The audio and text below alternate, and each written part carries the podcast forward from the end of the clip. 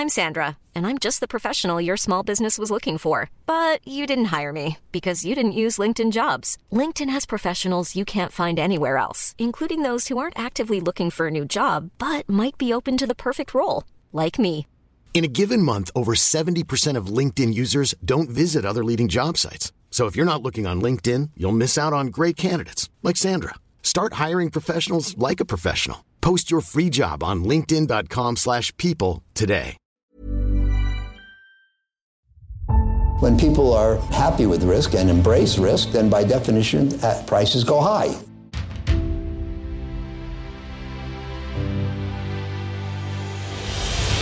When the cycle turns down, they generally sell at prices that are far too low.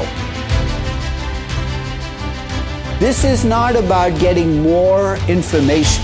We live in a world where we have too much data. I'm uh, happy to report another stable quarter.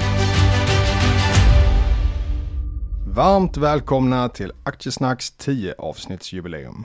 Det här är en podd som görs av och i samarbete med Kalkyl. Och vi som leder den är jag, Magnus Skog och Peter Westberg. Idag kommer vi prata lite nuläge på börs och sen kommer även Peter dra igenom caset Vertiseit. Men eh, hur känns börsen nu Peter?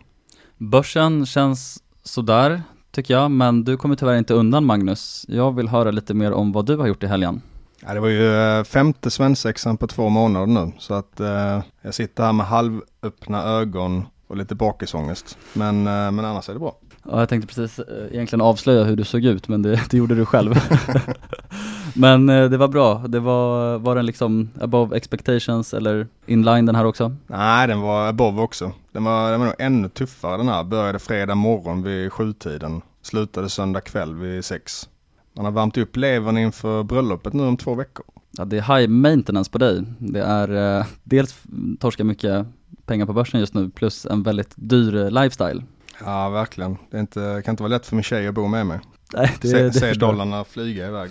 Exakt så. Men för att bli lite seriös så tycker jag väl att börsen känns lite status quo från det jag sa i förra avsnittet. Och jag håller ju det väldigt enkelt och tittar snarare på multiplarna på bolagen, lite som både Buffett och Lynch. Och där tycker jag ju att det går att hitta väldigt fina bolag just nu till attraktiva priser. Även om P i PE ser ganska lågt ut i förhållande till E just nu så kan ju såklart P-talen stiga om E blir lägre. Alltså om vinsterna blir lägre helt enkelt, vilket de högst sannolikt kommer bli nu på grund av vart vi är i konjunkturcykeln. Sen har det också varit flera bolag som har gått ut med att man saktar ner anställningstakten, till exempel Spotify. Och jag tycker också att man hör från corporate finance-firmorna i stan att det just nu är väldigt svårt att få in investerare till transaktionerna, vilket såklart medför att värderingarna läggs på en lägre nivå och det kommer bli betydligt tuffare framöver för bolag som inte är lönsamma och som således är beroende av nytt externt kapital. Jag tror att det här kommer leda till någon form av större utrensning kommande åren på dåliga affärsmodeller som kanske egentligen inte borde existera men som har existerat till följd av just billigt och lättillgängligt riskkapital. Jag har ju hört det här från några som jobbar på en investmentbank i stan. Att de hade 30% rörelsemarginal i november och i mars var det negativ. Så att det har ju svängt verkligen väldigt snabbt. Och det ser man ju som privatsparare på IPO-marknaden också. Det, det finns ju knappt nu och det var ju superhett förra året. Verkligen, och i synnerhet då korpare drabbas ju som alltid liksom väldigt, väldigt snabbt när konjunkturen svänger. Men det sagt så tycker jag också att tillväxtinvesterare kanske förtjänar lite den här nedgången också. För Nasdaq 100-indexet, alltså det breda tillväxt och tech-indexet i USA, har ju bara haft ett minusår sedan finanskrisen och det var 2018 och då var Nasdaq ner 4%, vilket är egentligen helt sjukt i sig. Och nu i år så är Nasdaq ner hela 30%, så alla stjärnor har egentligen stått rätt då för tillväxtbolagen väldigt, väldigt länge, eller sedan finanskrisen egentligen. Där räntorna ständigt har sjunkit och där centralbankerna har stimulerat ekonomin som aldrig förr med likviditetstillskott också. Och jag vill också påminna återigen om att en fallande börs är ju faktiskt positivt för dig som är nettoköpare av aktier. Det tenderar också att ske som mest felprissättningar under tider av rädsla och panik, vilket kan vara rätt intressant att lyfta också. Så ett klokt råd är väl därför, tror jag, att man bör lägga extra tid på att utvärdera sin befintliga portfölj och även att titta efter nya möjligheter i de här tiderna. Där är det vissa som snarare gräver ner huvudet i sanden som en struts. Men det är ju nu det händer väldigt mycket och det är då det är värt att hålla koll på vad som händer. Exakt så, och i synnerhet om liksom bollen är hög, det sker mycket felprissättningar, så innebär ju det också att det finns eh, väldigt mycket möjligheter för den långsiktiga. Sen vill jag också säga att det som sker här är ju faktiskt väldigt vanligt. Alltså ingen aktie och inget index kommer ha en spikrak resa uppåt. Även bolagen som har presterat bäst de senaste 10 och 20 åren har ju flera gånger varit ner över 50%. Till exempel många techbolag, om vi tar Microsoft och Amazon, så tog det ju typ 10 år eller mer för att komma tillbaka till topparna som sattes vid IT-bubblan. Och de har också levererat både bra och dåliga rapporter, de har haft tillväxtproblem, lönsamhetsproblem, nya satsningar har gjorts som har ifrågasatts, som till exempel både Amazon Prime och AVS, som initialt såg ut att bli floppar båda två faktiskt. Och det är väldigt lätt att titta på till exempel Amazons graf och tänka oj, det här skulle man ju ägt, vad enkelt det hade varit. Det var ju liksom självklart att Amazon skulle gå så här bra över tid. Men hade man köpt Amazon till exempel 98 eller 99 så är ju sannolikheten faktiskt väldigt stor att du hade sålt med stor förlust år 2000. Och det finns väl ett ganska passande citat här från Charlie Munger också. If you can't stomach 50% declines in your investments, you deserve the mediocre results you are going to get. Den är väl kanske lite klyschig, men den är ju inte mindre sann för det. Och eh, vad säger du själv om börsläget Magnus? Ja, vi spelar in det här på torsdagar och förra torsdagen satt vi här och pratade om att det var den lugna trappan upp och att det var ganska stillastående på marknaden och det är det ju verkligen inte längre. Jag tror börsen är ner 12% sedan dess. Så att eh, det har ju hänt mycket. Det är makro som styr. Uh, om jag tar på mig den här makrohatten igen då lite så såg vi att inflationssiffran i USA var 8,6 procent förra månaden. Och det är ju den högsta på närmare 40 år och det var ju någonting som marknaden inte hade räknat med. Och det var det som inledde det här stora fallet egentligen. Man räknade med att peak inflation var nådd och sen så skulle det gå ner nu framöver men inflationstakten ökade alltså marginellt förra månaden. Och det här är ju ett problem för marknaden för att ju längre inflationen ligger kvar och tuggar ju större sannolikhet är det att den biter sig fast och blir långvarig. Och det har mycket med lönerna att göra. För att om det är så att vi har haft 2% inflation i 30 år, då kommer förmodligen löntagare be om 2% inflationsjusterat i löneförhandlingar. Jag tror inte det är så många som nu den här våren säger att de ska ha 7 extra procent i löneökning på grund av inflationen. Men ju längre det här biter sig kvar, ju fler löntagare kommer ju tycka att de ska bli kompenserade för det här. Och då kan det verkligen bita sig fast. När man väl har frågat en gång om 7% extra, då är det nog lättare att göra det nästa gång. Och det är nog inte så många som har jättebra koll på den här inflationssiffran som inte håller på med börsen. Men om det här håller i sig länge då kommer alla ha koll på det för att det kommer vara så stor del av, av livet när allting blir mycket dyrare. Så att jag hoppas verkligen att centralbankerna tar tag i det här nu. Eh, de har ju varit väldigt efter på bollen klart och tydligt, speciellt Riksbanken som varit mer eller mindre fel i alla sina prognoser senaste åren. Så att man behöver ganska aggressiva räntehöjningar nu för att stävja det här innan det spinner out of control helt så att vi får som ett 70-tal med stagflation. Och där kan man ju fråga sig också hur mycket power har egentligen till exempel Fed? Alltså de kan ju faktiskt inte kontrollera inflationen med någon magisk formel, men det de kan göra är ju att trycka upp räntan och det blir så pass tufft för ekonomin att den i princip stannar av och på så vis bromsa inflationen. Så att vad som än händer nu så kan vi väl ändå vara överens om att det kommer ju bli tuffare tider ekonomiskt. Och den riktiga rävsaxen där, den sitter ju i Europa egentligen. Eh, för de här gamla PIGS-länderna som var på tapeten 2011, alltså Portugal, Italien, Grekland och Spanien, de gjorde ju nästan så att eurosamarbetet föll 2011 för att de hade så höga statsskulder och kunde inte betala sina räntor. Och jag kollade på dem nu i veckan och alla de har ju betydligt högre statsskuld idag än 2011. Skillnaden är att vi har haft rekordlåga räntor så att man kan betala på det ganska komfortabelt. Men nu har de räntorna gått upp ordentligt. Och det kommer ju kunna bli problem för att hur ska ECB kunna höja räntan ordentligt utan att de här länderna går under?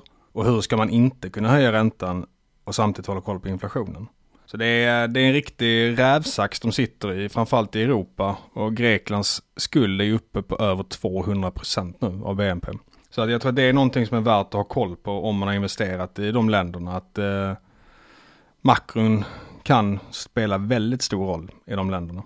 Men eh, ett land som höjde lite mer eh, än ECB, det var USA som höjde med 0,75 procent. Och de tog lite mer aggressivt tonläge också för en gångs skull. Så att där verkar det som att man tar det på allvar numera. Och kollar man på bolåneräntan i USA så snittar den nästan 6% i dagsläget. Och det är någonting att ha med sig som eh, både bostadsköpare och investerare. Att om det då skulle vara så att du har 5 miljoner i lån, som många i Stockholm har, då skulle man betala 300 000 om året i bara ränta. Och det är förmodligen ganska astronomiska summor jämfört med vad man är van vid med tanke på hur det har varit de senaste åren. Så att eh, man förstår ju att den här högre räntan kommer påverka ekonomin mycket. Men som sagt, jag tror det är bra att dra det här plåstret nu. Man kanske skulle, skulle gjort det lite tidigare och inte delat ut gratis pengar till folk och, och så vidare.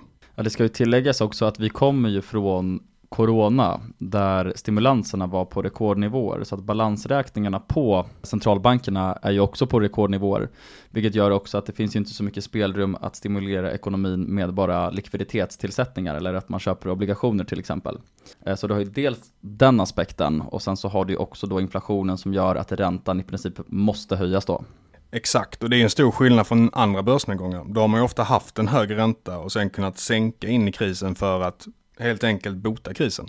Och det har ju funkat, men nu har man ju tvärtom. Man måste både förstöra ekonomin och titta på när den redan är ganska dålig.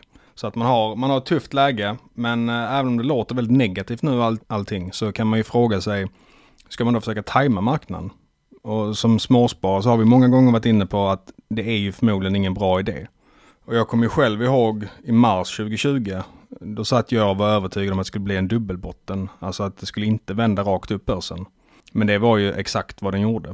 Trots att det var total lockdowns i Europa, covid härjade fritt fortfarande i mars när börsen bottnade. Det var flera månader senare som det började liksom bli bättre med de, de siffrorna när det kom till dödsfall och sjukdomsfall och så vidare. Så att om jag då hade legat i full kassa då, då hade jag gått miste om den här explosiva uppgången som var från mars. Och det ska man komma ihåg att när det väl går upp från ett sånt här nedpressat läge, då blir det ofta gummisnudden upp. Att det har varit väldigt utspänt och då kommer det flyga upp sen. Så att det är klart, har man pengar på börsen som man måste använda de närmaste åren, då ska man ju inte ha dem på börsen. Det har ju det här året visat. Men jag tror att är man långsiktig så är det nog lätt att gå miste om den här gummisnudden upp om man är för försiktig i de här lägena. Även om det känns nu som att man verkligen borde vara det, så är det nog ofta för sent när man har den känslan. Då kan vi knyta tillbaka till förra avsnittet som vi spelade in där vi pratade om Peter Lynch. Och han förvaltade den fonden som var bäst i hela världen mellan 1977 och 1990 men genomsnittskunden i den fonden gick back. Och det säger lite om svårigheten att faktiskt tajma marknaden. Exakt. Så det var, det var allt för makrosvepet. Det kan bli ett stökigt år framöver. Det finns sina utmaningar på sina håll och framförallt de här pigsländerna då är värda att ha med sig att det kan se lite knepigt ut på makrofronten. Och sen en annan grej som hänt i veckan som jag tycker är värd att lyfta upp det är ju SBB. Och det har blivit en extrem folkaktie i Sverige med nästan 200 000 ägare på Avanza. Och jag har alltid ställt mig lite frågande till att det är så många som dels har en bostad som är superbelånad, som är en väldigt stor del av sin nettoförmögenhet. Och sen tar man och lägger det övriga kapitalet man har i fastighetsbolag på börsen. För att kommer det verkligen fastighetskrasch då, vilket inte är omöjligt nu när räntan går upp ändå, då kommer man ju få en riktig double whammy på det.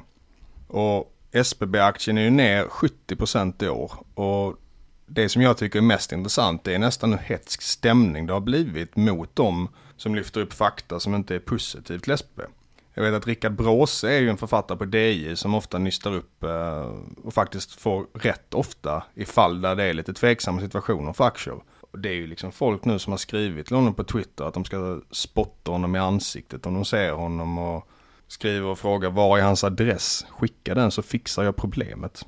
Och det är ju, det är ju inte ens bara dåligt, det är ju liksom kriminella hot de, de kommer med då. Och jag tror att för att bli en bra investerare så är det väldigt viktigt att kunna ha ödmjuk inställning till fakta som går emot ditt case. Annars kommer du aldrig bli en bra investerare. Den här killen som vill spotta honom i ansiktet, han kommer ju aldrig vara någon som kan se på alternativ fakta, väva in det i sin analys och sen så ta rätt beslut. Utan då har han bara skygglappar på och då går det inte bra på aktiemarknaden. Alltså det är aldrig kul att bli bråsad, det, det köper jag. Men sen handlar det ju om att, att ha rätt och inte att vinna argumentet. Och det tror jag också, som Magnus poängterade, är väldigt viktigt som investerare. Ja, och det är ju, alla gör ju fel på börsen och alla kommer behöva byta åsikt någon gång. Så att den här ödmjukheten, den är viktig och eh, tyvärr så är det inte så många som har det i SBB. Sen, sen vet jag inte så mycket mer om själva caset nu, jag ska inte uttala mig om det, men jag tror att just inställningen till ens aktie, att när det kommer fram ny fakta, det är ju egentligen någonting som är bra för dig. Jag vet att DI skrev en annan artikel om ett av mina bolag som jag ägde för något år sedan, Aselio, som lyfte fram några negativa aspekter som inte jag kände till. Och då ökade det min conviction till att sälja bolaget. Och sen har det gått väldigt dåligt för aktien. Så att där fick jag hjälp av de som var negativa till bolaget. Och det, det är ingenting man ska underskatta. Man kanske snarare ska utöva den här mentala modellen att faktiskt titta mer på information som faktiskt går emot din tes, snarare än att bara titta på det som eh, konfirmerar och bekräftar tesen. Exakt, och speciellt när det går upp. För då är det väldigt enkelt att få hybris och bara kolla på det bra. Exakt så. En klassisk fallacy. Och sen en annan uh, liten uh, poppande ballong eller vad man ska kalla det. Det är ju krypto också. Det här året har ju bitcoin gått ner till 20 000 och det var uppe i över 70, nästan 70 000 förra året. Och där har vi ju Buffett citat, inte han har köpt alla bitcoin i världen för 25 dollar. Och även om det är lite överdrivet så tycker jag ändå att hans resonemang har en poäng. Att det är inte en investering med bitcoin eftersom det underliggande värdet kommer ju inte från kassaflöden som produceras eller liknande. Utan det är ju bara spekulation om att det kommer gå upp framöver. Så det kommer kanske finnas applikationsområden framöver. Där bitcoin kommer att ha en viktig del i till exempel DeFi och liknande. Men det betyder inte att det finns några underliggande kassaflöden som gör att blockchain, eller rätt sagt att kryptovalutorna är värda någonting. Och det som är läskigt med krypto och som gör att vi kanske står inför en riktig ursköljning på nedsidan, det är ju att många är ju väldigt belånade inom krypto. Jag kommer ihåg att jag och kollade på en sida för ett tag sedan där man kunde handla krypto. Du kunde bara handla krypto med hävstång. Alltså du kunde bara belåna dina köp. Annars kunde du inte köpa bitcoin överhuvudtaget. Och det gör ju att när det går ner så måste folk sälja. Och då måste andra sälja för att de är belånade så trycks kursen ner och så går det vidare i en ond spiral nedåt. Flockbeteende, allt det där som tillkommer också. Verkligen, och det är bara att kolla på liksom ett land som El Salvador. Till och med en stat som El Salvador har börjat köpa bitcoin samtidigt som de har en ganska stor statsskuld. Och så förvarar de sin kassa i då de här bitcoinsen. Så att vem vet, det kanske blir så att till och med, till och med länder blir margin för att man har för mycket lån i det här. Och det är ju en risk som många borde verkligen ta på allvar när det kommer till kryptovalutorna på grund av att om en aktie hade gått ner 90% då, kan man, då kanske man har utdelning på 20% som kan kompensera för det. Men det kommer du aldrig kunna ha i bitcoin för det finns ju inget underliggande som skapas där. Ingen värdetransferering så att säga. Och jag tycker också att den här det här året har satt lite fingret på problemet med kryptovalutor. För att två av usparna skulle ju vara att det skyddar mot inflation. Många av de som varit mest bull krypto har ju varit det på grund av att man har tryckt jättemycket pengar från centralbankerna och nu har man då skyddet mot det när inflationen kommer i form av bitcoin. För att det trycks ju inga fler bitcoin, det finns ingen centralbank som kan göra det. Men nu när vi väl har fått riktig inflation för första gången på många år då är ju bitcoin det som gått sämst av allting. Så det argumentet har ju totalt fallerat och istället har ju bitcoin blivit någon sorts riskproxy på hur Nasdaq går med lite hävstång på det. Plus att man kan ju också addera att om råvaror går upp eller priser på allt möjligt, till exempel som bostäder eller mataffärer och så vidare, och värdet på bitcoin skulle vara statiskt, så har vi fortfarande ett inflationsproblem som inte bitcoin kan tackla. Sant. Och en annan anledning till att folk säger att bitcoin är den nya världsvalutan, det har ju varit att det är decentraliserat så att ingen, ingen stat eller bank kan komma in och ta ens pengar. Men det har ju faktiskt blivit så nu när vissa av de här handelsplatserna med krypto håller på att gå under på grund av att det är överbelåning och folk kan inte ta ut sina pengar och så vidare. Då har ju de här sidorna låst folks pengar och sagt att ingen kan ta ut nu för att eh, vi har inte likviditeten till det. Och det är ju precis det man skulle motverka med att banker kan ta ens pengar. Nu är det bara att det är någon hemsida som gör det istället. Så att, så att 2022 har ju verkligen inte varit ett bra år för krypto och har belyst många av riskerna med det och som sagt, jag tror att går det ner mer då skulle det kunna bli nya vattenfall på nedsidan. Och ett sätt att diversifiera sina investeringar är att investera i vin. Och det kan man göra genom Rare Wine Invest. Rare Wine Invest hjälper dig att bygga en stark vinportfölj med exklusiva viner från framförallt då champagne och delar av Italien och till viss del också den nya vinvärlden i Napa Valley. Och de jobbar med ungefär 0,1% av allt vin som produceras runt om i världen då de anser att just de här vinerna har en stark investeringspotential då tillgången allt som oftast är liten men efterfrågan är väldigt hög. Och en viktig aspekt när man investerar i vin, det är att inte ha bråttom. Eh, har man en tilltänkt tidshorisont på sex månader, då är nog inte vin rätt att investera i. Utan det här är någonting som man borde ha i minst fem år och tänka på den långsiktiga biten. Så Where Wine Invest hjälper till med allt från rådgivning, val av viner till din portfölj, lagring samt försäljning av portföljen också. En annan sak som är intressant med vin är att vin oftast har en konstant produktion, vilket innebär att en producent inte helt plötsligt bara kan bestämma sig att dubbla sin produktion till nästa år och ändå behålla samma kvalitet. Då efterfrågan för exklusiva viner ökar varje år, där man framför allt då ser ett större köpsug från Asien och i Kina, så gör det här att priserna skjuter i höjden. Så att det är ekonomisk teori bakom det här, alltså utbud och efterfrågan. Och vin konsumeras kontinuerligt och försvinner då från marknaden samtidigt som vinet bara blir bättre och bättre med några års lagring. Så det är andra faktorer till att efterfrågan ökar och således också att värdet ökar. Och en stark fördel för Rare Wine Invest är att de tillhandahåller det enda tullfria lagret inom EU där privatpersoner samt bolag kan lagra sina vin och sprit helt utan att betala moms eller punktskatter. Så vill man lära sig mer om hur och varför vin är en bra investering, då kan man ladda ner Rare Wine Invests investeringsguide på rarewineinvest.se. Och där finns även kontaktuppgifter till det svenska kontoret om man vill komma i kontakt med någon av deras rådgivare. Vi säger stort tack till dagens sponsor Rare Wine Invest.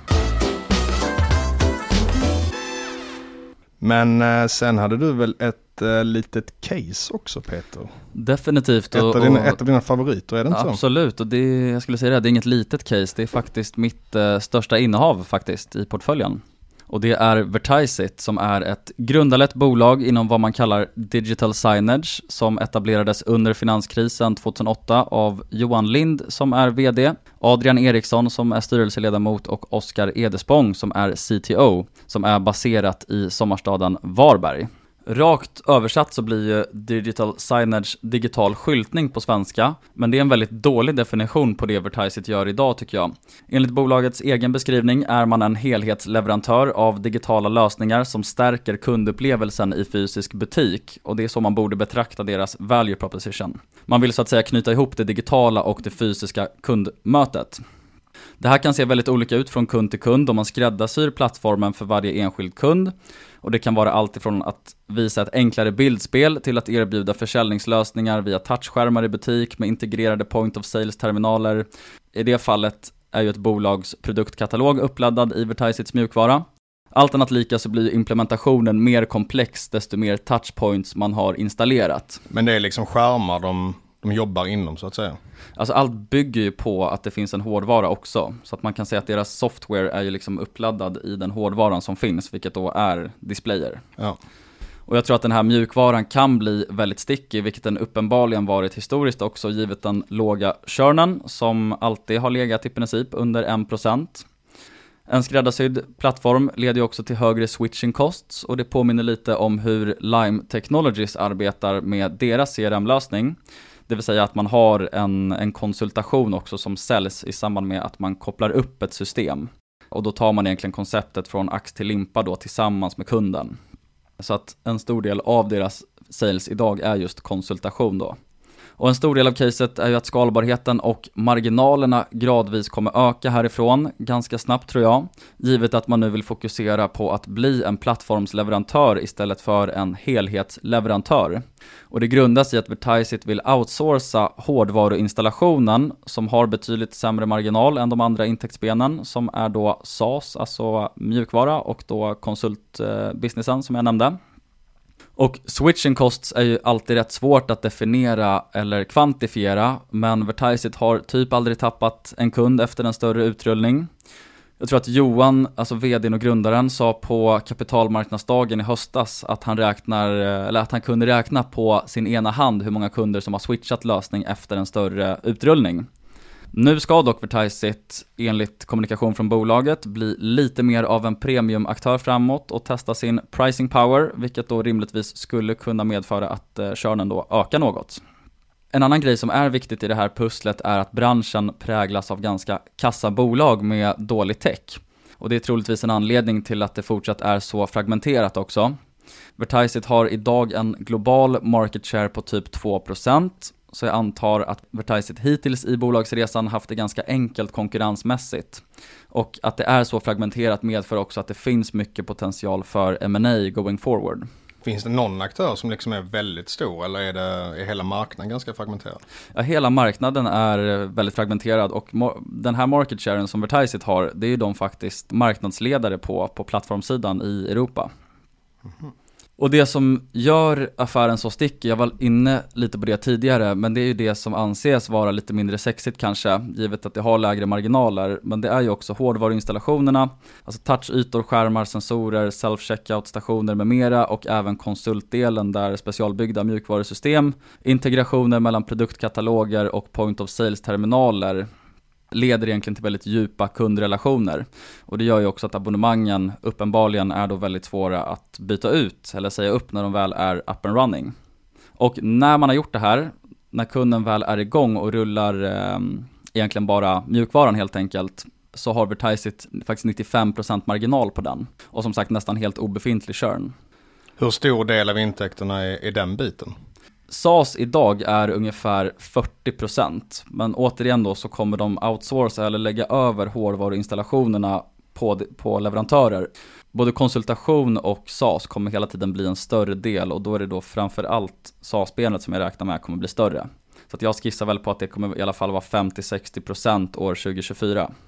Och marknaden i stort för digital signage värderas till ungefär 4 miljarder dollar idag, lite grovt, och växer med ungefär 15% per år. Så att en stor del av caset är ju just SaaS-delen som kommer bli större. Och här kan ju erbjudandet skilja sig väldigt mycket åt beroende på vilken digital signage-leverantör man anlitar och hur avancerade lösningar också som kunden kräver. Det kan vara alltifrån att visa ett basic bildspel man kan tänka sig den där lilla skärmen ovanför kassorna i en lokal matbutik som gör bildspelsreklam för till exempel lokala businesses eller någonting i den stilen. Och då kanske det inte krävs mer än en tv-skärm och en USB-sticka. Till att erbjuda försäljningslösningar då som är betydligt mycket mer avancerade där produktutbudet också är uppladdat och sen så har de de har mycket kunder inom bilindustrin där de också eh, finns i många showrooms. Och då finns det också möjlighet för kunder liksom att bygga ihop sin egen bil med olika färger och olika komponenter och så vidare. Det var det någon ganska stor aktör som de har slutit avtal med där, är det inte så? Ja, där har de ju eh, kunder som BMW, Lamborghini, Porsche, Volkswagen, Volvo. Så att det är väldigt stora kunder och det är liksom det som de främst jobbar med, alltså kunder som har starka D2C-relationer och som är lite mer av premiumaktörer skulle man kunna säga. Och ofta så kan ju en butik och showroom ha liksom 20-30 olika displayer med olika syften. Och vissa har ju som syfte att skapa rätt atmosfär eller känsla i butiken, där till exempel också musik ingår som en del av helheten. Och andra displayer har lite mer praktiska syften, till exempel då point of sale eh, terminaler, eller då att man liksom kan bygga ihop sin egen bil och så vidare. Och många tänker säkert att man skulle kunna göra det här hemifrån, men många av de här verktygen används ju också som standard för säljpersonalen på till exempel BMW eller Porsche. Så återigen också, så eh, Vertisits vision och value prop är ju att stärka det fysiska kundmötet med digitala lösningar helt enkelt. Och det som är spännande här är att Många andra branscher inom software har ju någon typ av standardisering där en eller ett par stora aktörer är tydliga marknadsledare. Och några beskrivande exempel är väl typ Adobe inom bildretuschering och pdf-hantering. Du har Wordpress när du vill bygga en hemsida, du har Microsoft med, med till exempel Excel när du vill jobba med siffror på olika sätt och så vidare. Men det här har inte skett än inom digital signage, utan här är marknaden typ så fragmenterad som den kan bli. Och jag tror att det kommer ske en större konsolidering här på mjukvarusidan de kommande åren. Har de någon eh, förvärvsagenda och liknande för att själva se till att det händer? Ja, absolut. De har en eh, förvärvsagenda som främst går ut på att förvärva kundbas. Och det gör de ju mycket för att marknaden är så pass fragmenterad så det är ganska mycket bolag som rullar mycket ARR, alltså återkommande intäkter via mjukvara. men som är bolag som inte har jättebra ägare eller har så stora visioner så att det finns mycket M&A som de skulle kunna göra helt enkelt och det har man sett historiskt. De har ju köpt, jag tror det är åtta bolag historiskt och då har de inte haft ett enda kundtapp på de här förvärven eller de bolagen de har förvärvat.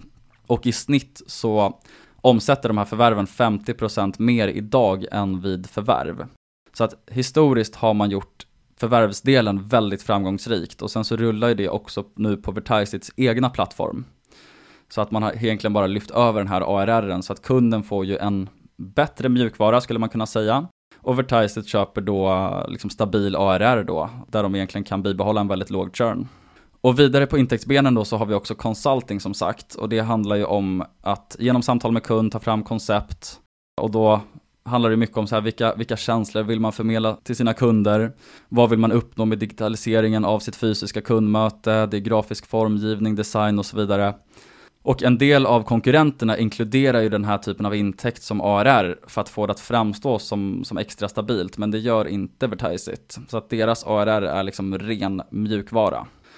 Och sen som sagt så har vi den här hårdvarudelen då, som egentligen nu kommer då börja fasas ut. Så att det som är viktigt att förstå då, det är att hårdvarudelen finns ju fortfarande kvar som en moat, för det, det, det liksom fortsätter finnas i affären. Det är bara att Vertisit själva inte kommer ansvara för den. Och hårdvarudelen har ju haft 30% gross margin historiskt, consulting har haft 80% och mjukvaran 95%. Så de kommer fortfarande sälja hårdvara men outsourca det liksom så att det är inte de själva som Exakt, alltså de lägger över den biten på, på deras, eller de som faktiskt levererar eller producerar hårdvaran, skulle mm. man kunna säga. Så att investment-caset bottnar någonstans i Efterfrågan är lite missförstådd. Alltså retailmarknaden uppgår ju till typ 25 trillion dollars globalt och den är inte på något sätt utdöende. Ja, den står inför en omställning men den kommer fortsätta existera.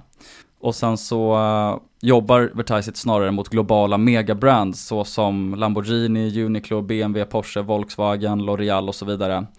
Som ofta har väldigt bra D2C-relationer som jag sa tidigare då.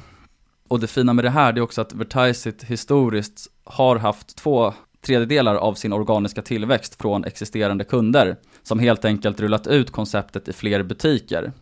Så här finns en ganska naturlig upsell i ARR, det vill säga att de får fler licenser och även då en naturligt återkommande konsultintäkt. Och sen så är det någon form av kvitto på att de här kunderna faktiskt är väldigt nöjda också.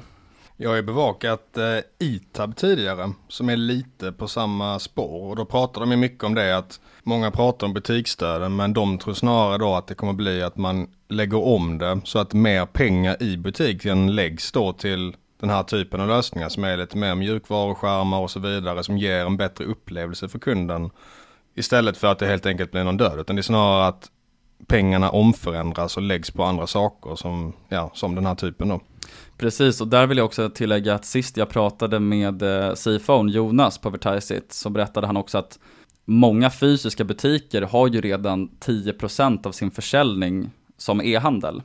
Det vill säga att det blir mer och mer vanligt att du går till en fysisk butik och så kanske du testar ett plagg men lagret hålls inte i butiken utan då har du en digital lösning där produkterna är uppladdade och så kan du väldigt enkelt då bara beställa hem det här istället. Och det tror jag kommer vara ett stort framtida segment för Vertisit. Men hur gick det under eh, corona och så? För då var det ändå rätt tufft för butiker. Ja, det är också en del av caset som jag tycker är väldigt bra och tittar vi till exempel i Q2 2021 så hade Vertisit under 1% i churn och positiv NRR, alltså Net eh, Revenue Retention. Deras kontrakt rullar ju förvisso över typ 2-5 år. Så att när de väl ska körna så blir det ju inte liksom på, på direkten. Alltså för att kunderna sitter kvar i avtalen helt enkelt. Men det är fortfarande ett kvitto på att det var i princip ingen kund som drog plåstret och betalade sig ur ett kontrakt åtminstone. Och då var det ju faktiskt den tuffaste tiden för retail som vi typ någonsin har skådat. Men det är ingen grej man ska underskatta heller. Om det är återkommande intäkter med långa kontrakt, då är det värt mer än om det är väldigt korta kontrakt. För då kan de ju köra mycket snabbare också. Exakt. Och bolaget har nu haft sekventiell ARR-tillväxt i 40 kvartal i rad, alltså i 10 år. Utöver det här så har vi ett väldigt saftigt insiderägande. Grundartrion Johan, Adrian och Oskar och tillsammans också med Jonas som är CFO numera. äger tillsammans 35% och sen så har vi familjeägda Chotenius och Partners där pappa Wilhelm är ordförande och dotter Johanna är ledamot. De äger runt 9%. Och sen så har vi också Grassfish-grundarna som äger runt 9% för de tog ju halva köpeskillingen i aktier och Grassfish var ett bolag som Vertisit köpte för ganska exakt ett år sedan. Så att sammanlagt så är ju insiderägande över 50% och sen så tycker jag också att det är värt att lyfta att eh, den senaste riktade emissionen gjorde också att man fick in Alcur Grow och Protean Capital som båda uppenbarligen är eh, väldigt vassa investerare. Och Protean Capital är ju för övrigt Stockpicker som eh, skriver på Twitter en del. Och sen så har vi ju eh, Martin Gren som numera också äger 2% av bolaget för han tog 100% i aktier då vid senaste förvärvet av MultiQ. Vad ser du för risker med caset då? Främsta risken, eller först ska jag säga att det som, är, alltså som gör att jag har väldigt hög conviction, det är att jag ser väldigt få risker. Alltså jag tycker att caset känns väldigt cleant och det liksom checkar alla boxar. Men främsta risken för mig handlar om kortsiktigt bök och stök just nu och det handlar ju om retailmarknaden. Alltså att många bolag inom retail ser ju faktiskt ut att förlora marginalerna fullständigt. Sen återigen då så löper ju kontrakten oftast över flera år så körnen visar sig därför inte än. Och sen så har de ju som oftast också eh, kunder i premiumsegmentet, vilket också borde vara någon form av krockkudde mot fallande konjunktur eller tuffa makroförhållanden. Typ BMW. Typ BMW eller Porsche eller Lamborghini till exempel. Så det är väl egentligen det som jag tycker är största risken och sen så ska man väl också vara ödmjuk inför att M&A, alltså bolag som förvärvar, är svårt. Alltså det är väldigt svårt att lägga estimat framåt. Sen tycker jag dock att historiken i Vertiseit talar ju för att de har varit väldigt duktiga på det här historiskt. Och de har också kunnat göra det väldigt framgångsrikt utan att ta in allt för mycket nytt externt kapital. Återigen då så är insiderägandet fortfarande 50% vilket är väldigt imponerande enligt mig. Och sen så har ju de eh, i princip på alla förvärv de gjort historiskt så har de ju varit väldigt framgångsrika och bibehållit liksom otroligt låg churn och fortsatt växa helt enkelt. Och vad, ligger, vad ligger värderingen på idag? Jag vill bara tillägga också att eh, de har ju faktiskt varit lönsamma ända sedan start. Så att du har ju, de har varit lönsamma alla år sedan 2009. Vilket också är väldigt imponerande. Men värderingen just nu ser väl eh, hyfsat hög ut men det skulle jag säga är primärt av två anledningar. Ett är ju att jätteförvärvet av Grassfish har ju inte varit med i siffrorna i ett helt år än. Och sen så har vi också haft pressad tillväxt på grund av corona såklart. Men på bolagets långsiktiga finansiella mål som eh, sattes för 2024 så handlas aktien till ungefär 2,5 gånger ARR och 4 gånger ebitda. Och det här är förutsatt att 50% av revenue kommer vara ARR då 2024. Och enligt Jonas, CFO, så behöver man inte M&A för att ta sig dit och det kommunicerades dessutom innan förvärvet av MultiQ som adderar en hel del ARR också. Och sen så slog de ju faktiskt sina 2022 mål 18 månader för tidigt. Så att på min egen servett så har jag just nu en gånger sales och tre gånger ebitda 2024. Och det här är som sagt för ett bolag som har en väldigt kvalitativ SaaS-business som snart sannolikt kommer eh, bli väldigt mycket större procentuellt av hela bolaget. Lönsamhet alla år sedan 2009 och knappt någon körn att tala om med ungefär 25 till 30% growth kagger över, eh, över väldigt lång tid. Och sen kan vi även addera att börsvärdet befinner sig precis vid den magiska gränsen omkring en halv miljard SEK. Och det är ju ungefär där eh, institutionerna också brukar kunna ta size i ett case, givet då att eh, likviditeten brukar bli högre när bolaget blir större och att börsvärdet också är tillräckligt stort för att man ska kunna komma in i bolaget helt enkelt och det brukar kunna leda till en viss multipel expansion. Så även med en ganska hygglig margin of safety i servetten så tror jag att Vertiseit kan komma att leverera i alla fall 30% kagger avkastningsmässigt kommande 3-4 åren. Till vad jag betraktar som väldigt låg operationell risk och hög probabilitet för att hypotesen också införlivas. Så jag ser ju väldigt fin risk-reward här och det är också anledningen till att det är mitt största innehav just nu. Snyggt, det kan man förstå med den passionen för bolaget som du har. Men eh, om vi ska ta och sammanfatta hela avsnittet då så eh, har det varit stökigt senaste tiden. Man ska inte gifta sig med sina aktier, vilket allt för många verkar ha gjort med SBB. Eh, har ni krypto och det är pengar ni verkligen behöver snart, se över risken. Och sen som sagt, ett intressant case det här var Tyset och det är ju alltid trevligt med ett bolag som har så mycket insiderägande och så pass bra historik som de ändå har för att vara ett ungt bolag. Exakt, det blir en väldigt stor del av, av caset. Och sen ska vi dock säga att gör alltid din egen analys. Vi ger ingen investeringsrådgivning och investeringar är alltid förknippade med vad då Magnus? Risk! Det var allt för oss den här veckan. Tack så jättemycket så hörs vi snart igen. Stort tack! Ha det fint!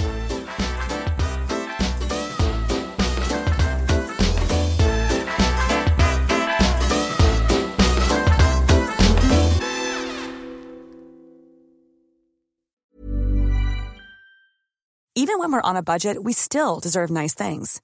Quince is a place to scoop up stunning high-end goods for 50 to 80% less than similar brands. They have buttery soft cashmere sweaters starting at $50, luxurious Italian leather bags, and so much more. Plus, Quince only works with factories that use safe, ethical, and responsible manufacturing. Get the high-end goods you'll love without the high price tag with Quince. Go to quince.com/style for free shipping and 365-day returns.